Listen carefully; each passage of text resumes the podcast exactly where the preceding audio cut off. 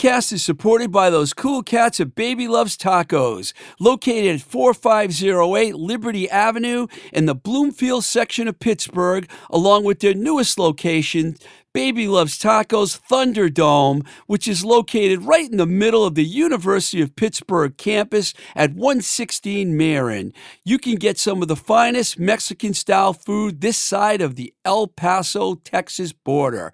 Check out Baby Loves Tacos website, Baby Loves Tacos pgh.com and stay tuned for the spring opening of the Give and Go Market, which will be located right next to the Bloomfield location. Do yourself a favor, head over to Baby Loves Tacos, say hi to Zach, Cat, Kaz, and the Sandman, and tell them Twisted Rico sent you.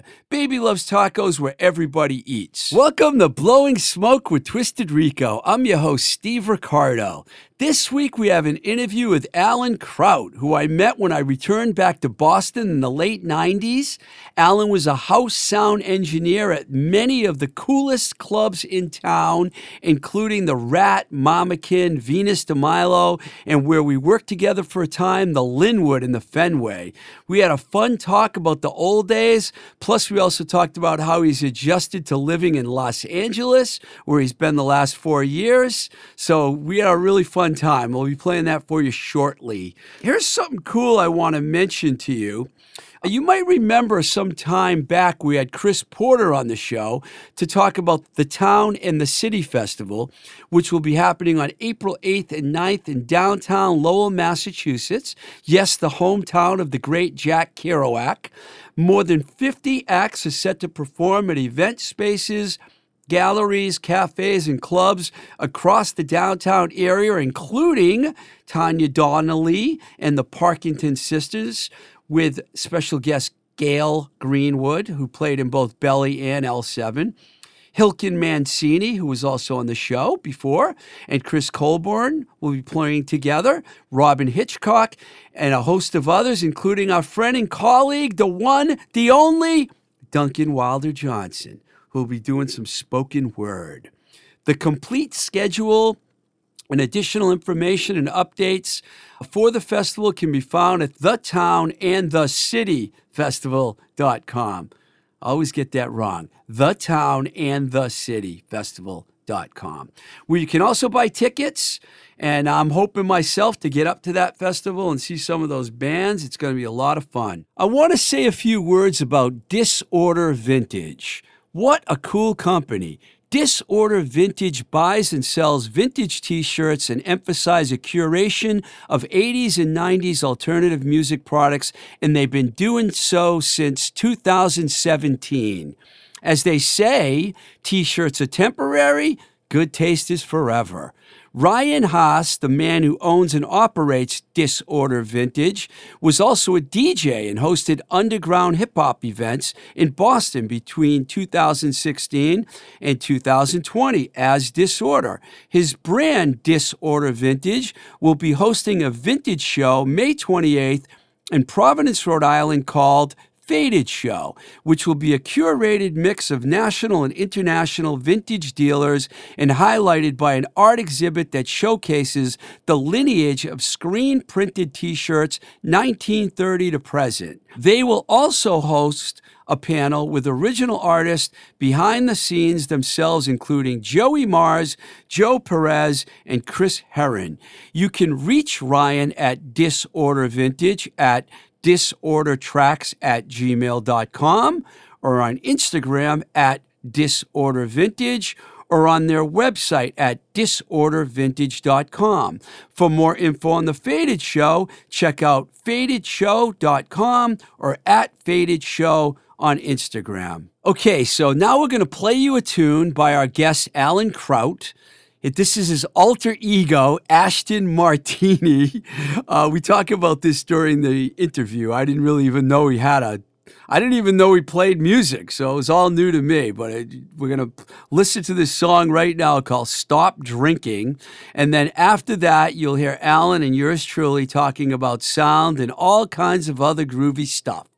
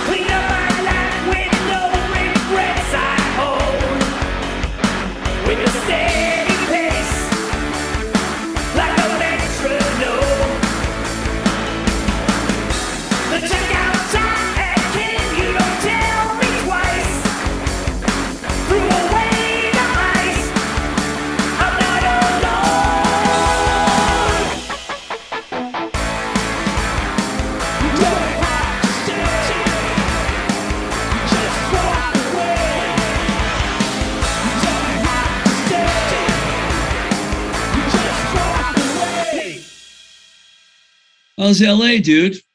Good. I mean, it's sunny today, like um, like a lot of days.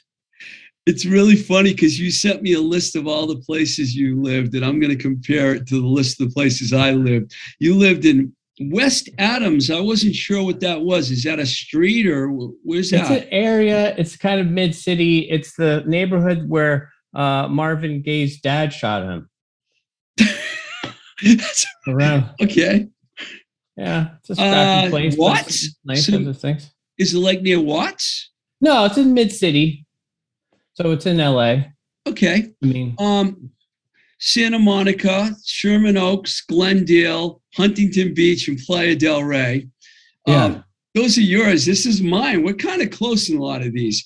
Uh, first, I want to say that I worked in Sherman Oaks because that's where Metal Blade Records was. So I'm very familiar. I was right on Ventura Boulevard. I love. I actually love Sherman Oaks, by the way. Yeah.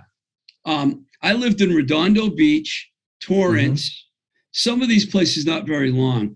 El Segundo, I was only there for a short period of time. Studio City, Marina Del Rey, Encino. And then the last time I lived there was 2006 and 2007. I lived uh, in Santa Monica on 23rd and Wilshire. So we're kind of similar. some of yeah, 23rd and Wilshire. Is that by that Boston bar? Like yeah, I used to go to that place. That place is awesome. That's I went there with Ken Samar. Actually, he was on your show. We really? That's like, where Whitey Bulger was hiding out for a while, hanging out in that sports bar. Did you know really? that? No, I didn't know that. I always thought that would be a good name for a for a zit, Whitey Bulger.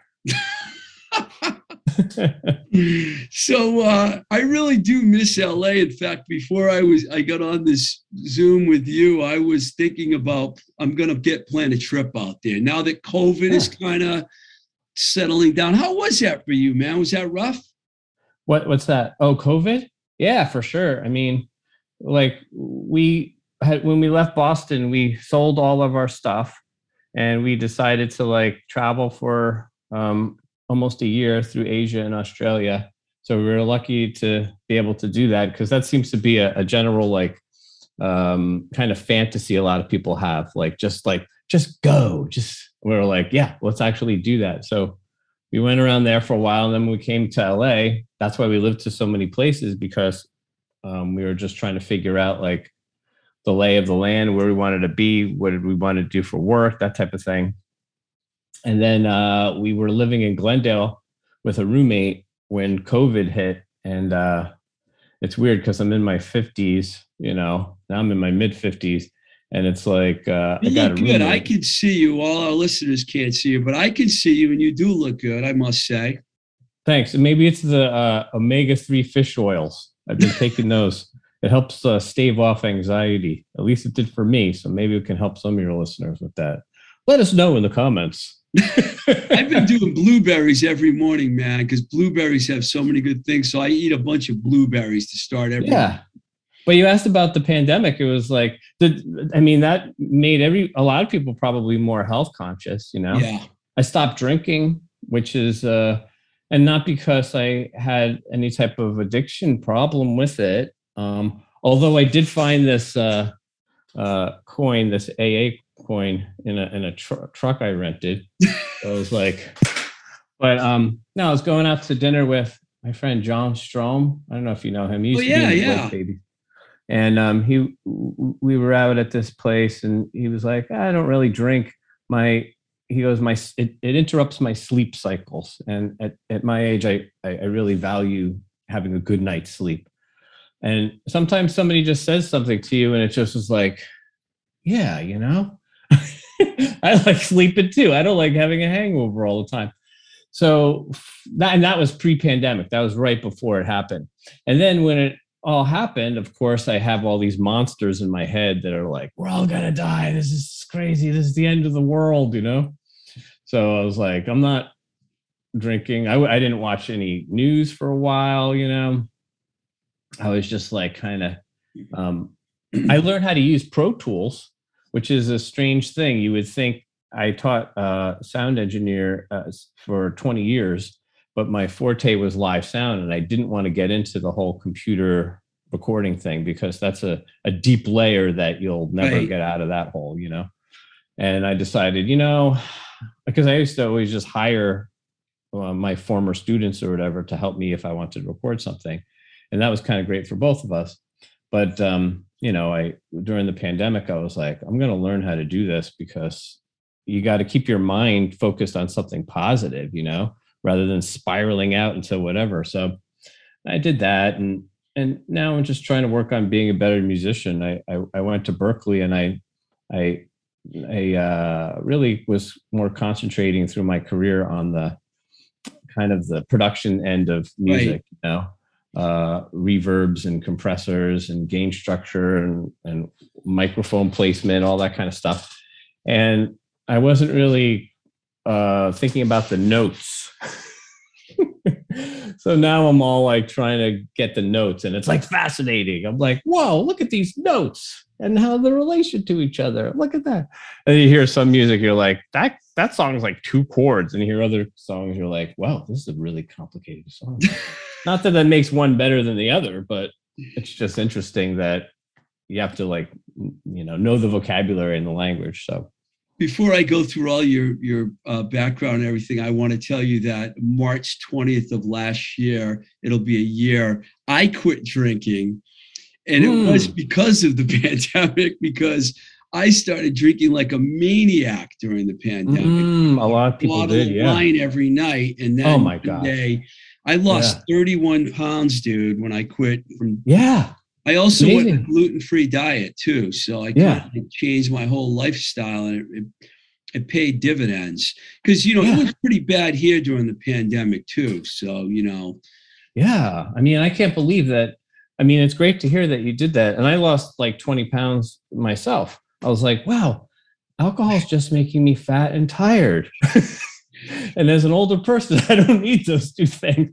I don't need any help in those two areas. You need our energy, man. So, so listen, where where exactly did you grow up and how did you get into music in the first place? I grew up in Fort Lauderdale.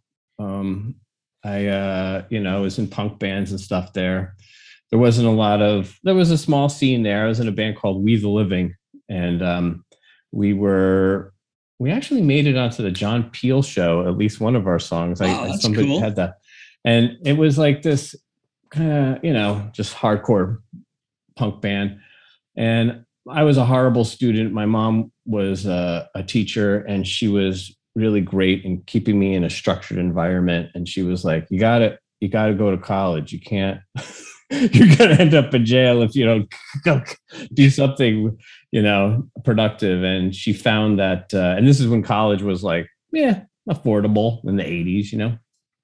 And she was like, "Oh, I found out you can go to Berklee, you know, this this college in in, in Boston." And I was like, I, I can't do the audition. And she found a loophole that if I did the summer program, then I I would just be kind of matriculated into the system. So I did that. You have a cool mom. That's a cool yeah. mom sending you to Berklee School of Music. That's awesome. Yeah, she was. She helped me in so many ways like that. Where uh, my my brain is just like Medusa, you know, all over the place. And she was like, "You gotta focus on and do this, put you in a good environment. So I met a ton of my friends. I still have today. Ken, Eric Thaler was on the on your show. So you well. met Ken Samari and Eric Thaler at Berklee. Yeah, I, I know them. They from both Berklee. been on the show. That's cool.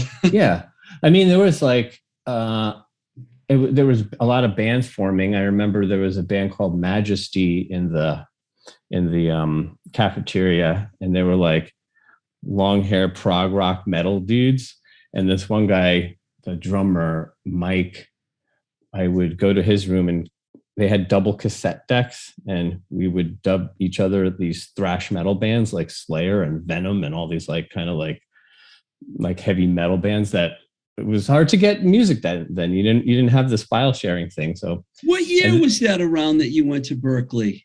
85 86. Oh, music. There. I was out in California at that time. That, that yeah. was a really happening time for uh for for things in Boston especially. Yeah. Well, that band in Majesty became Dream Theater. Oh, was that guys. Mike Mangini you're talking about? no, about? Mike Portnoy. Oh, Portnoy. Yeah, the original drummer. Right, yeah. right. Wow. And Mangini I've worked with in at the Linwood. I, the one thing I remember about him is um, at a sound check, he was putting on a new kick drum head and he put the kick drum head on, and then he stands on the kick drum head and just starts jumping on it. And he's like, I'm, I was like, what is that? He's like, I'm stretching it out. And I was like, this guy knows what he's doing, man. Well, those are Yeah. two really good drummers right there. But that's Yeah. one thing I'll say about Dream Theater is they've had amazing drummers, both of them. Yeah. Fantastic. And they We both had, um, went to Berklee. Yeah. Um, did they? Yeah. I Mike Mangini probably, yeah. I didn't Yeah. know him from them, but I I, I think knew Mike- Mangini ended up being a, a a instructor at, at Berklee, if I'm not mistaken. Yeah, that's right. He was, kind of big into the teaching and yeah, amazing. We had um another good drummer, this guy Derek Kerswill. Do you know him from uh he was in a band called um Unearth and Medium. Oh yeah, and, uh, yeah, yeah, Seemless. yeah. So Right. he was on the Krautfest uh, CD that I did. Um, but um, yeah, just getting back to the how I get into music. Then I went to Berklee for a while, and I met a bunch of people. And then I I, I decided like I'm not gonna be able to make a living uh, performing music. It's gonna be hard, you know. And one thing that Berklee taught me was uh, how bad of a musician I am compared to like Mike Mangini and Mike Portnoy and stuff. You know what I mean? Like these really great players. Um, you know, so you kind of gauge yourself like when you're from a small town, you're like, hey, I'm like this shit, you know? And then you go into that uh, environment and you're like, eh, eh, you know. Did you And, uh, meet Portnoy Portnoy because you were were you drumming at the time, taking drum No, classes? and I mean, I'm not good friends with them or anything. I just remember that one one of my friends from Berklee had told me, like, yeah, remember that guy Mike that used to live down the hall? It was just, I think we were both into like metal music. oh yeah, okay. So um, it was funny. The tapes that I remember dubbing from him, I we used to have a pitch. Sometimes those double cassette decks had like a pitch change thing, you know, so you can speed them up. Or so I intentionally recorded them slow so they would play back even faster, you know. so there was like Metallica, Kill 'Em All, but it was like. It's like almost like Alvin and the Chipmunks. And I remember I was in um there was a, a skateboarding had uh, during that time in the early 90s or sorry the late 80s th- there wasn't really um there was like a lot of skateboard competitions that were in these um do it yourself ramps all over the country. And one skateboard team was staying with me when I was living in Florida and I remember just cranking that tape during their competition. And people loved it because it was like thrash metal but pitched up even faster. It was kind of ridiculous. So, so you mentioned to me that you left Berklee and went back to Fort Lauderdale to go to school. Yeah, I went to uh, I got a degree in business instead because I thought like, well, this is probably going to be a more practical uh like major for me. Like this will be something that I can use. And uh, you know, I got the degree and then I um I went back to Boston because I love the culture. I mean, people wear shoes in Boston because they want to. And, So that's why you. and they So read you. books. So you went back for the music mostly. You think? yeah the music and the people and i just love the it, it was just such a different culture there's a lot of older people i mean south florida especially when i was growing up in the 80s in miami it was just desolate you can get you can buy a hotel in miami beach for like $350000 you know in uh, right in south beach I- I- it's amazing like you, it would be great to just turn back time and get a couple of those or something Yeah. but um, it was just a bunch of people that were kind of it was depressing. They were kind of left behind by their families these older people just sitting there in, on the porches in these places. And um, so I, I had to get out and um, boston i had all these friends from my time at berklee and i thought i was going to work in finance but i looked kind of like gothy bauhaus kind of person and I just remember waiting in the cold, like to go to this interview at like Fidelity or something. And I was like, they're, they're not going to hire me. I mean, I was just a freaky looking guy. I was, I was on the couch living for free with my friend from Boston. Her roommate was Sarah Silverman's sister, Laura. And Oh, she wow. was pissed because I was just kind of living for free there, you know? I have to tell you something about Florida before we move Mm. on to some of the Yeah. other stuff.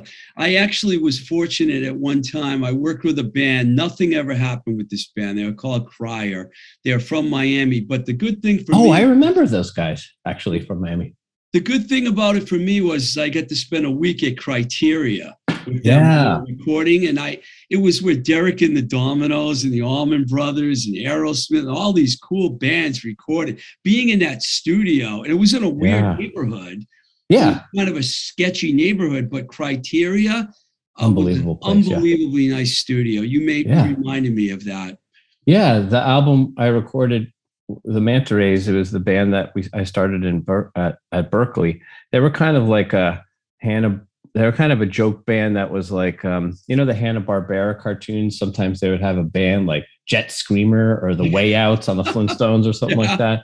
It was supposed to be like that, except we we sung about like suicide and drugs and things like that, but in a very like kind of like um, subtle way and um, that was mastered at criteria Oh, actually really? yeah and um, we had uh, nothing ever i mean the part that a lot of i think musicians struggle with is the constant like selling like trying to pimp your stuff. And it's just as a creative person i think everybody has uh, other creative people have that problem too. It's like you make something you feel like you're attached to it and you have to so i didn't do much of that with it. But uh, i remember i was at a meet and greet with they might be giants and when I used to work at Allston Beat in the in the garage in Harvard Square, and um, they have a song called "Twisting" off of their Flood album, and I was like, "This sounds just like a Man Race song."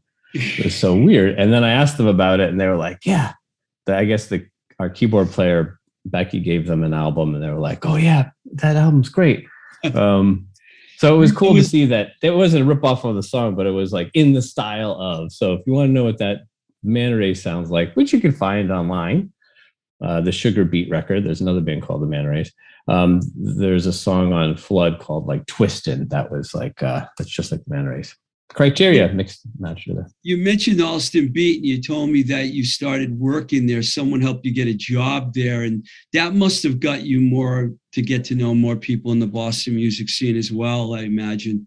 Yeah, I mean, do you remember Allston Beat when you I were do. here? Or was that so? That it was uh, infamous for being like this place where you thought that the staff was cooler than you, and they're. I mean, I used to. I was a manager there for a bit. I used to let the, the employees smoke and drink while you were like working, which was fun. We just played music.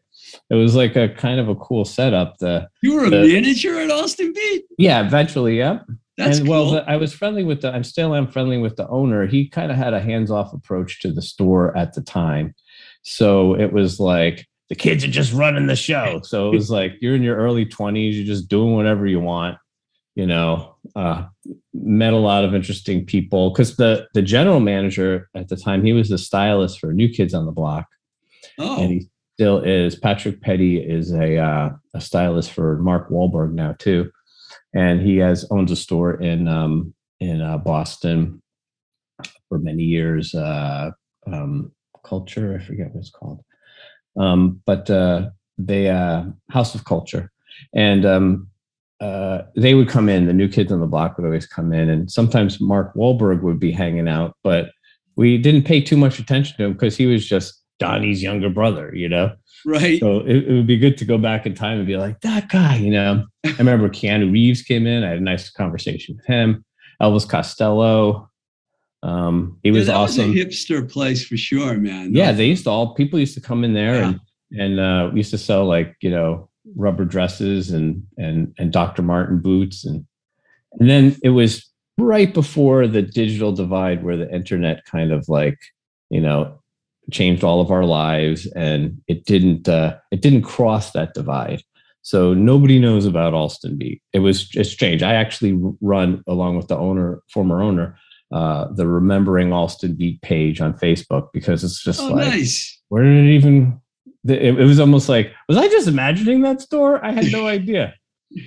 But yeah, Was I did at- meet some people there.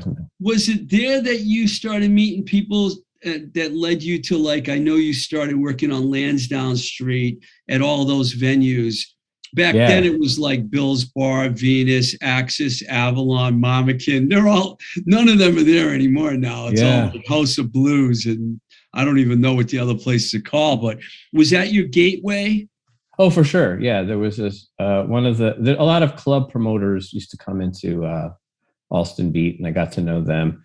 and I started doing lights over at Venus de Milo, which I remember was that one place. of the first ones to go. And um, you know, they wanted somebody to do sound. They liked my personality; it was very agreeable, and uh, they were like, "Hey, we we can teach you how to do because there was a, there's a lot of things that are different about working in a recording studio. If something goes wrong in a recording studio, everybody takes a break. If something goes wrong at a live show, it, it can't. You have to make sure that it doesn't. You have to do all these. There's all these fail safes to make sure that doesn't happen. And feedback. You have to make sure that you tune your ears to know when feedback's going to happen. So they taught me all that stuff, and um, I worked in, on Lansdowne for for many years at the at the different clubs, Bills, and I remember mixing reggae bands at Bills for years. And um, you learn how people like to hear their music too. Like reggae night, I would make it sound like the record you know that's that was the thing that i would go on like okay this sounds like this record that people are listening to all right sounds good and these reggae dudes would be like sound man more bass you know always more bass and then one day i like brought in all these subwoofers and i just i had so much bass i had I, I put them in front of the stage and they were all over the place and you know i'm doing sound check and the manager of the bar is coming up to me because the bottles in back of the bar are rattling he's like, "You're gonna blow something up. What the hell's going on?" I go, "Uh, "I just want to shut these guys up," you know. So they come to the show, and I'm doing the show, and it's just like the bass is just like, and they come to me and they go, "Sound man." I'm like, "Yeah." They're like, "Sounds good," and then. Ever since then, I was like the good sound man, you know, which I should call sound engineer. Should be gender uh, gender neutral about it because there's, you know, uh, inclusive. Um, so I was like the good sound engineer, you know, because I made the bass, and and and it's just like you realize, like you know, country music, you want to have the vocals out in front and stuff, but reggae music, you want to have a lot of bass. So Interesting. I learned a lot of things there, and then um, I was working at Mama Kin, and uh, one of the uh, the managers at Mama Kin, I was trying to help her perform. She was a performer, Hope, and uh, she said, "Hey, you wanna you want to do uh, some uh, uh, a, a, a couple weeks at the Rat because she was the manager of the Rat. Sorry, and so I was like, oh yeah, that sounds that sounds cool. Everybody's hustling for gigs and stuff, you know. I just want to mention for people out there on other parts of the world that are listening that Mama Kin was a bar that Aerosmith actually started. It was their Yeah. bar, but it kind of faded out. I don't know what happened. It became something Yeah. else after Mama Kin, but I think they were disappointed, and I've only uh, seen Steven Tyler there once when I was working. Uh, I think if they, I mean, I'm making an assumption here, but that business isn't as quick and lucrative as you would think. The bar business, you no, know. it's not. So people think like, you open a bar, hey, you're making tons of money. you know what does make tons of money? If you're an Aerosmith and you play a show at a stadium, then all of a sudden you know, it's like I think, and I think that was their perspective. They were like, "Where are the checks?" And they were like, "No, we we have to pay for all the um the renovations that we did. You won't really see any profit for maybe like six or seven years." And they're probably like, "What?" I'll tell you, I did see a lot of good shows there while I would before I lived in Boston because you know when I was working for A&M Records in the 90s, you know, bands would play there, you know, they'd play all over land depending how big they were, they'd play all you could play at any venue all the way down the road, you know. I Yeah. always liked Mama Kin. It had a really good vibe to it. And I oh, used yeah. to like hanging out there. It was one of my favorite little rooms. They know, had I like showers there for the bands, and and uh, and that was one of the first that had like laundry for the bands. So it was, Yeah, I didn't like the fact that it was that there was a baseball stadium, Fenway Park, right there. Because yeah, if there was a baseball game going on, it was a fucking nightmare on Lansdowne Street. You, you I it was so difficult. I watched a guy Aldo. I don't know if you remember Aldo. He used to rent backline over. yeah, yeah. and he was an awesome character and he was like he was always like hustling and doing stuff and i was like he had a parking space right in front of uh Mama Kin and there was a red sox game going on. He had loaded in some backline and i was like man it's a shame that you're going to lose that parking space. And he was like yeah uh-huh, watch this. And he, he he stands in front of his truck and he's just tossing his keys up in the air you know? And i'm like what the hell is he doing? This other car comes by and says how much? And he's like, five bucks. He's like, all right. So they like he gets the five bucks, woo, woo, shit, drives away. I was like, that guy just made five bucks out of his parking space. But yeah, my mom uh, Yeah, now it costs about 30 bucks to park in that neighborhood. Oh, even more probably Is it for Yeah. a Red Sox game. Oh my gosh! So when you left Lansdowne Street, you went over to the Rat and you were there for like the last, the kind of end of the route, which was what about 96 or something? Yeah, that was it was it was around there. So But there was still a lot of good shows. I mean, whenever Yeah. you went to the Rat, you would see good. I started going to the Rat, believe it or not, in 1980. So I was wow, okay. you know? So, but um, it still had the best sound system in town. you know, I thought, anyways, it was sounded fantastic in that room. Well, you know, who was over there? No, just kidding. um, there was a I, when I came in there, they were only doing three shows a week, Thursday, Friday, and Saturday, and uh, I didn't know the the uh, the previous sound engineer.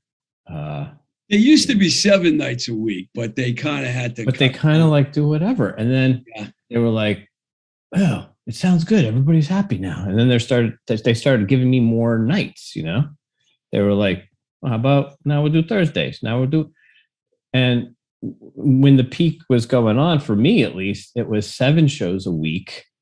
Not not the- Monday was off because Saturday we would have a daytime all ages show, and then Yeah. we would flip it over and have a nighttime show. Monday, I was just like everybody needed a day off. You know, we just needed to like do tech stuff and clean and whatever. You know, and uh, then it was about a, I, I would mix about a thousand. I figured out about a thousand different bands a year. You know, Wow. of just like and you learn so many things from like these guys just coming out and setting up and playing and you're just like meeting these engineers and it was kind of amazing you know Is there any shows that you can remember that were really memorable for you all at your time? I mean, I know you still Oh, yeah. ended up. We met a couple of years after that, I believe, when you were at the Linwood, which Yeah. uh, was probably not till about '98, I'm thinking, or something like that.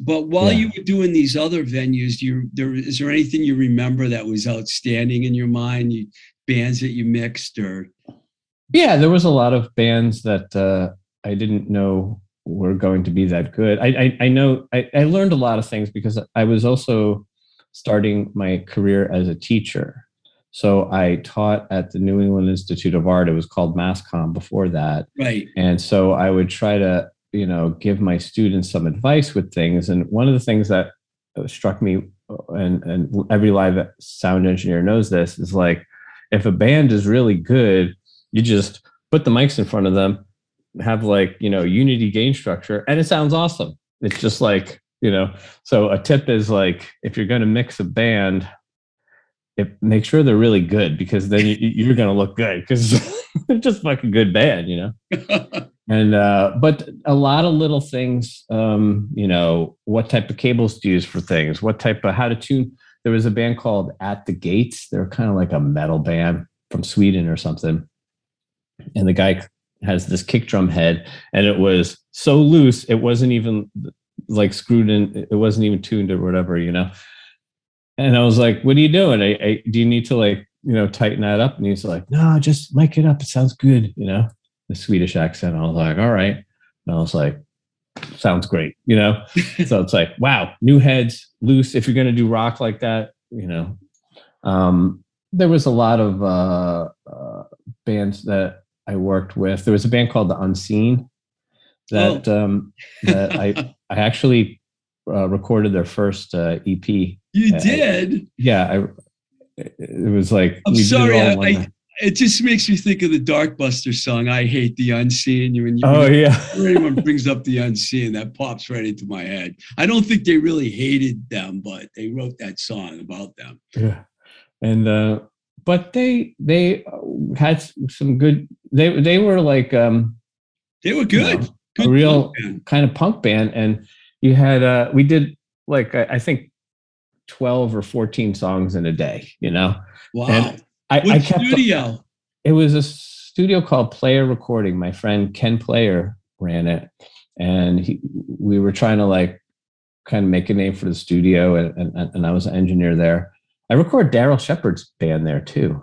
Actually, I remember. Okay, now That's a, that's a loaded. Uh, re- that's loaded because Daryl's only been in about twenty bands, so Yeah, I have no So- idea which band you're talking about. I, I, I got confused too. I, I, I I'm not sure. John Bean was in it. I remember, but um, uh, head cleaner. maybe it was. Yeah. Head cleaner. I'm gonna say it was head cleaner because I know Yeah. him and Bean were in head cleaner. They was played a- together in Slapshot too, but it wasn't Slapshot, right? No, no, no, definitely wasn't.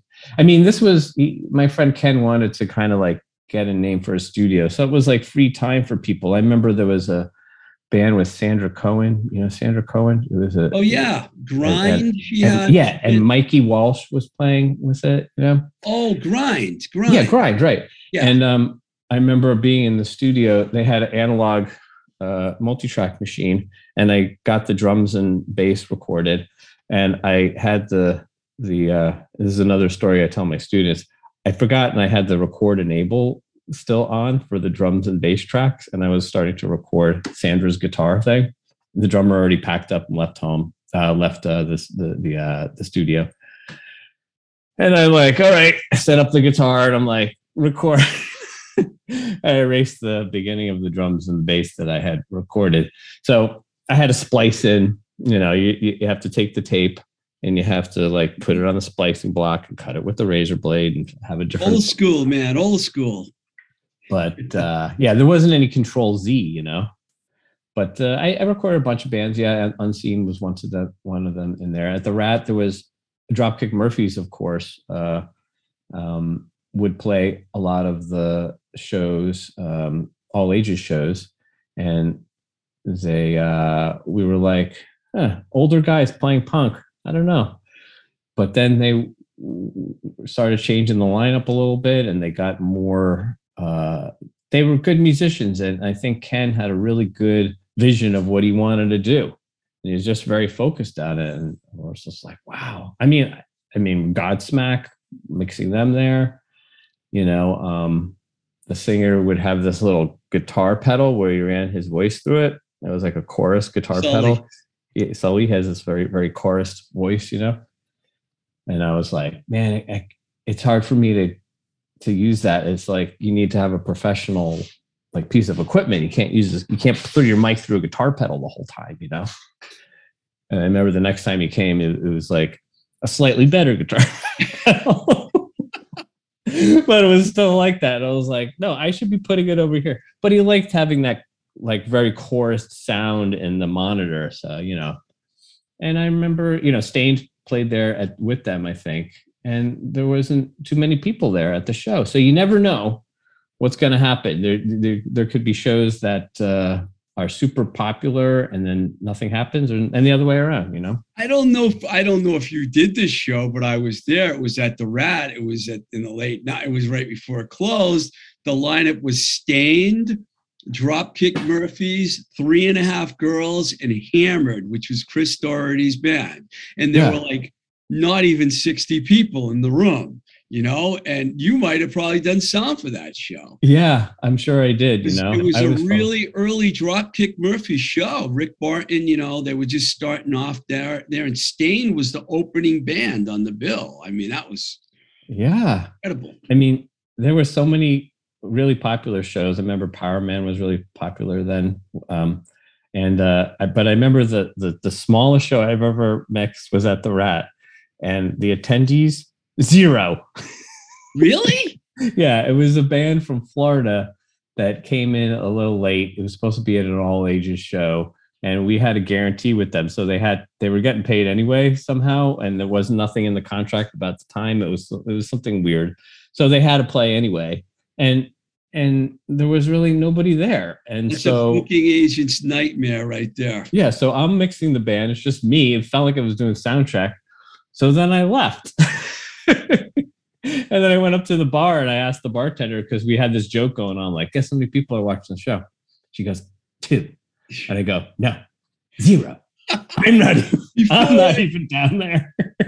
before I talk to you a little bit about Ashton Martini, your project, I want to talk to you about the Linwood because that's Oh, yeah. something we we shared together. I was the only I don't know how I ended up being the book a booking agent at a club. Somehow they got me to do it. And you were the sound man most of the time I was there.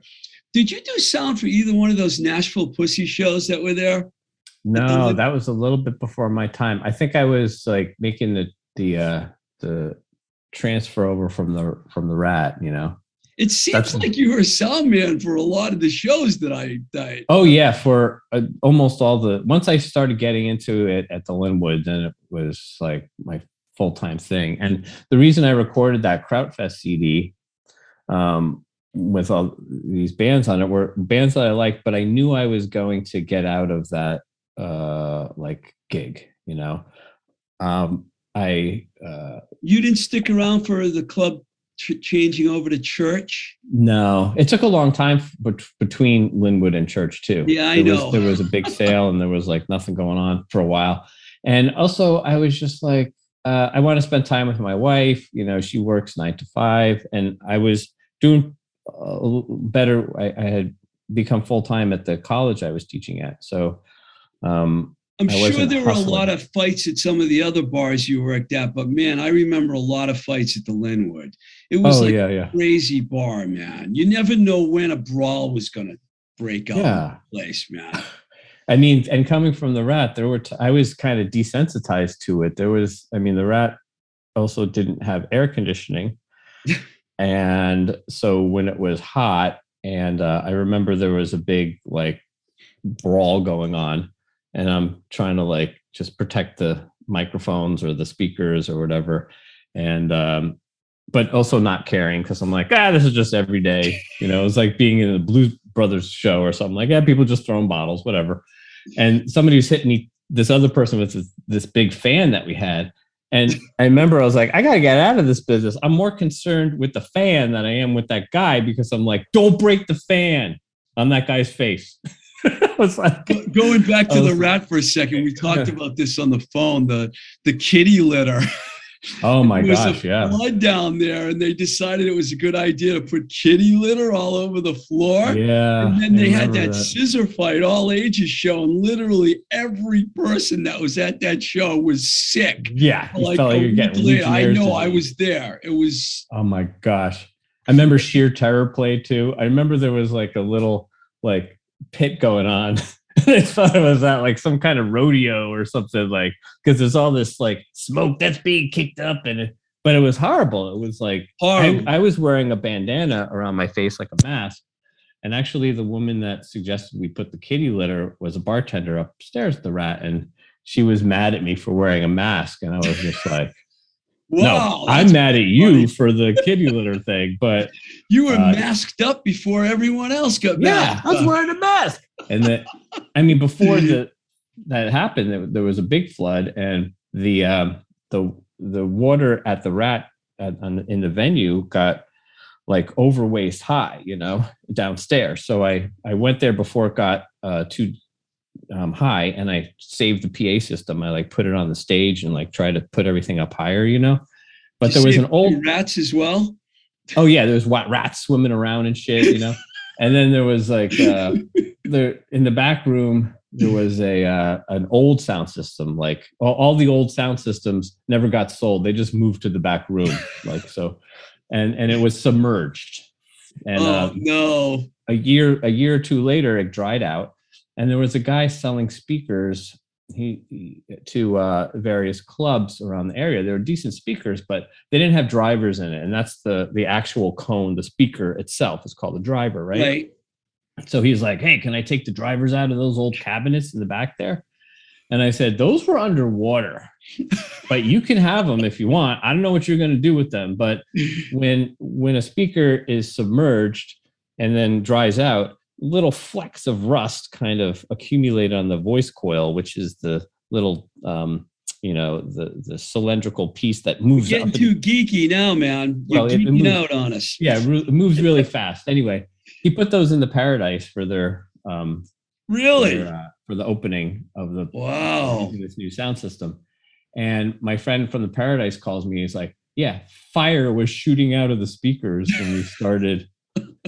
So that that would ignite the speaker so i knew why i was like this is why you have fire coming out of your uh, speakers. But oh man, that place had a lot of funny stories and stuff going on.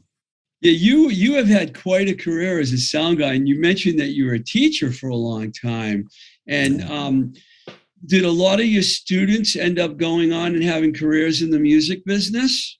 Oh yeah, for sure. We have um, I have a former student. He's monitor engineer over for Metallica. They have two Metallica has two monitor engineers. One's for the singer and the drummer. One's for the guitar player and the and the um, bass player. So Adam Korea, he's a, a, former student of our school. I, yes. I'm one of our students. Uh, just won an Academy Award for the sound uh, of metal. He was on the crew for that.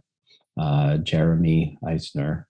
Um, so he was so. Um, so you were a successful teacher. well, it wasn't just me, of course. Our our, our whole department was really um, genuinely concerned with the outcome of the students and how they could be gainfully employed because we knew what a rough uh, business that it was. It's it's not like it's not like you know, uh, hey kid, do these. You learn how to code there you go, get a job, you're done. It's like it's like brutal, you know. So it's like gotta try to figure out like, and even like starting the live sound um, program, it really saved the school because there's so many students that would get jobs doing sound for like events and and and uh, things of that nature where there was a lot of work to be had where you would get paid because a lot of the recording stuff is sort of more esoteric you know right. you would have like, well, you got to do this. It's, it's, more an art and it's more, uh, you know, uh, whereas the, oh, you're going to do sound for the dentist convention. Am I getting paid? You're damn right I'm getting paid. I'm, I'm not just here to, because I love how I want to learn how to do a root canal. so you gotta you gotta do that stuff. Very practical. It's it's there's not a lot of schools that had that uh, that kind of uh, perspective. Uh, we're probably going to use a couple of songs that you sent over to me uh, for the show. You call yourself Ashton Martini, and you play yeah. all the instruments and everything. Tell us a little about that project and when you started doing this. Yeah, I called Ashton Martini because we were living in Huntington Beach, Orange County, and we would go to the uh, beach around um, New Newport Beach, yeah, which, Newport. as you know, is very shishi kind of. The crab beautiful. cooker. I used to go to the restaurant there called the Crab Cooker, really good in really beach. But I mean, it's it's a beautiful spot. If you visit LA and you want to have a good beach with beautiful cliffs, and it's like Australia or something, you know, it feels like. And um, uh, there was a Ashton Martin place, and my wife was like, Ash or Aston Martin, and she was like Ashton Martini. So I was like, oh, that's a good name. I'll use that. So um, it wasn't a lot of thought put into that, but um, you know, it's like I said, I, I, I learned how to use Pro Tools, and I I I had played a lot of instruments at Berklee. I when I started Berklee, I was guitar major, and it's a harmonic instrument like piano where you can play chords, and um, it's a difficult instrument. There aren't too many instruments where you can play chords. You know, if you're playing, uh, you know, one note at a time, it's it's it's not as complicated. So I wasn't that good at guitar, you know, especially reading. I was like, what are these notes? which is typical. For, so I switched to bass because it was easier because I didn't have, I mean, maybe some dyads or something, but no chords. And I was like, oh, I could read the music better. Um, and uh, the head of the bass department at Berklee got wind of why I switched and kicked me out because he was like, "You don't play bass because it's easier. You play bass because you love the bass. Get out of here." So I was kicked out. So I went to drums, which was like, okay, I was doing the drum. And Berklee there was pretty unstructured at the time I was going there, and I had a a great drum teacher that was just like, "Hey, man, you want to try for a for an A and you, I'll give you all this shit or else we can just jam and I'll just give you like a different grade. And I was like, no, let's just jam. So, you know, I, I learned how to play drums from that. So I knew how to play a lot of these instruments. But when I started doing Sam, all that like uh, went away because when you're working with uh, music all the time, and I know this from talking with other sound engineer friends I have, the last thing you want to do is work on your own music. If you're like I said, I was mixing a thousand different bands a year. When a night came off and I wasn't working, I was I was doing anything but music. Yeah, you know? your ears must have been a little burnt out, huh? Yeah, I mean, I would always wear earplugs. I would I would pull them out and take them, put them in, you know, and make sure. But uh, my hearing is, thank goodness, fine still. But uh, you know, I'd be like, hey, how, how about archery? How about learning how to do a saltwater aquarium? I've had like every hobby ever because I'm like, and then you know, just like, eh, I want to try to do music. I could, I could figure it out. Uh, and then I, I, did a couple songs. I sent you a couple. I was like, these, these aren't so bad. These are actually pretty good. I thought, you know, it's hard. It's hard to write lyrics and and do uh, the singing, and especially when you're by yourself because you don't have that.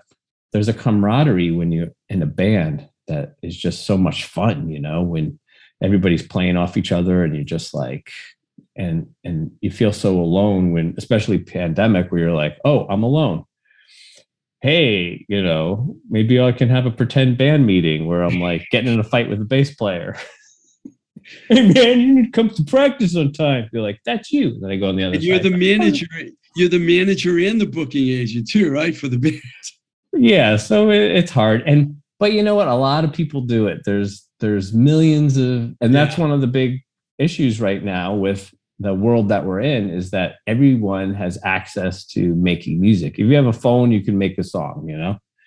Um and so that's good but it's also like wow it, it also prevents its challenges you know? Yeah. Um, I think someone said if diamonds grew on trees, you can get them at the supermarket for two dollars a pound or something like that. You know, so with music, it's kind of like that, where it's just like, wow, man, there's just so much of it, and I understand people complaining, oh, I only got 0.01 cent for this NFT that I made or this Spotify uh, stream, but it's like, do you, do you oh, listen so do you many. listen i'm sorry do you listen to a lot of new music Yeah, yeah. like is there any artists you've been listening to lately that kind of caught your ear the last thing I listened to was something Daryl posted on social media, "Wet Leg," and I was like, Oh, yeah, a pretty good Leg. song." You daryl know? shepard Yeah, you put that. Sometimes I'll put, uh, you know, I'll- I'll I'll take the advice of friends on social media, and I'll and I'll look at the things, and sometimes I'm like, ah, nah, this is horrible, and sometimes I'm like, ah, this is pretty good. But you know, I do the same thing a lot of people do. Is I'll I'll hit Shazam uh, when I'm out, or whatever. Or um, the thing is too, it's like there's such a um, the old music is still valid, you know. yeah So yeah I think there's almost like a congested. I don't know if they, there should be a name for it. Like they have the long tail or something. It's like a concept in in streaming, but they have a. Um, there's still this valid mass of music. High school kids still listen to Pink Floyd and stuff, you know, right and and and Bob Marley and whatever. And it's like you're just compounding it on. Whereas when we were growing up, um, like when I was in eh, going through puberty, which is the time where you um, really kind of grab onto the sense of uh, music that you have, and you always think that is the best music that ever existed because of the hormones changing in your body. That's my theory, at least. And um, but when I was growing up, we didn't like. I wasn't like listening to music from the '40s. like, hey man, this is a. I mean, a little bit, uh, but but it- but it was kind of more of a, as a joke, you know. Whereas Yeah. like the kids now will can listen to a Led Zeppelin song and be like, no, this is pretty good, or they can listen to an NWA song and be like, oh, this is cool, you know. So it's there's just so much of it. And what I listen to now, you know, I I mean, right now I'm on a 70s kick because where I live. So I I was I came across the the beginning of um Three's Company, you know, that TV show. they probably shot that right near you actually They did, yeah. And that bike path, I live right by that bike path. Yeah. It's right on the beach over here. i love that path I was like, wow, this is. And then so you know, I started listening. So right this second, I'm listening to that. I can't handle like the the really heavy music anymore. I was really good at. I thought like at least mixing it in live situations and.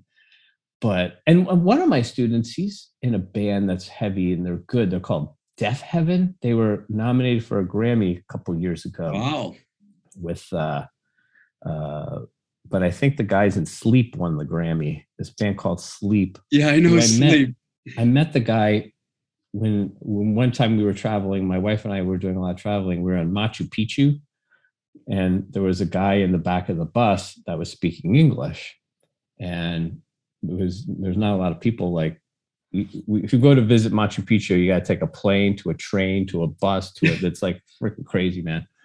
And he was complaining about his tinnitus, and I was he was a long haired guy, and I was like, I probably know this guy, you know.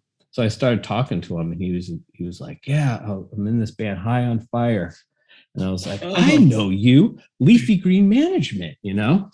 So because I knew his management company, that gave me some street cred. So we're hanging out with him. We're taking pictures of each other at Machu Picchu and stuff.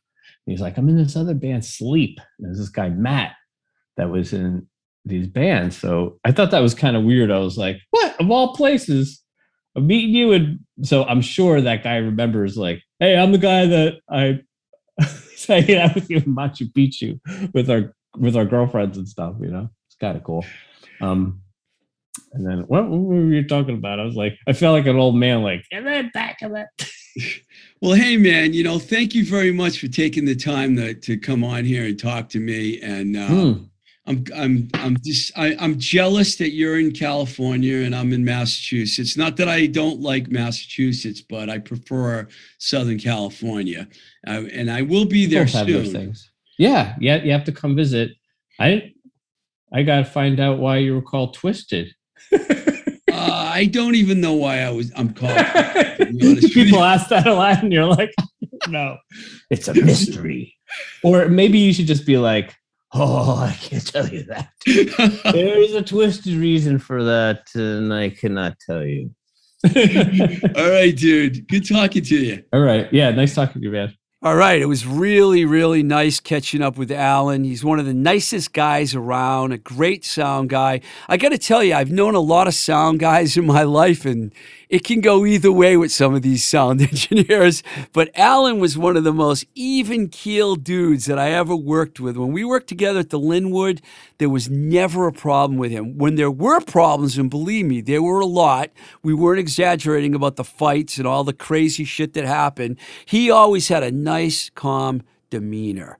So I, I really liked having him on the show, and I know he listens. So thanks, Alan, for coming on. Stick around because we're going to do our usual routine at the end of the show. I'm going to play a real gem from Hello Dragon, you definitely want to hear that. If you enjoy listening to this podcast, please consider supporting us on our Patreon page at patreon.com forward slash twisted rico or at anchor.fm slash blowing smoke tr. You can also contact me and send me music at twistedrico at gmail.com and follow us on Instagram at blowing smoke with tr or at Twisted Rico, also on Instagram or on the Twitter page at Blowing Smoke BS. And of course, we have a YouTube page and a Facebook page. Thank you to Mike Nash here at Voice Motel for recording us, Baby Loves Tacos, and Disorder Vintage for supporting us, and all you folks out there for taking the time to listen. All right, as promised, this tune is from Hello Dragon. It's called Stephen Hawking. Yes, it's about that Stephen Hawking. So until the next time we say goodbye, this is Blowing Smoke with Twisted Rico. I'm your host, Steve Ricardo. Keep the rock and roll alive.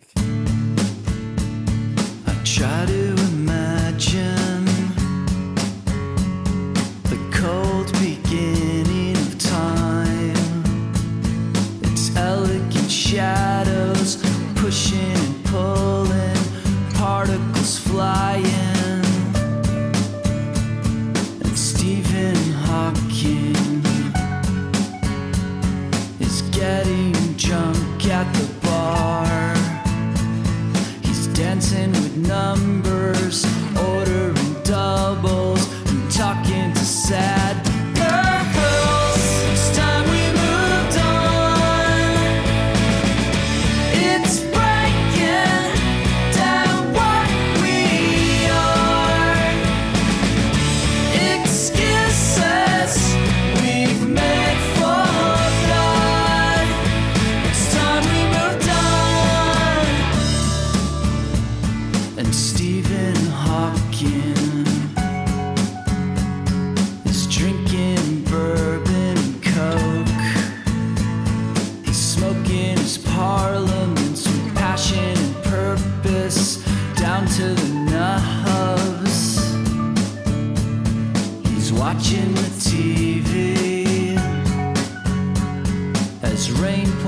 down outside a delicate veil.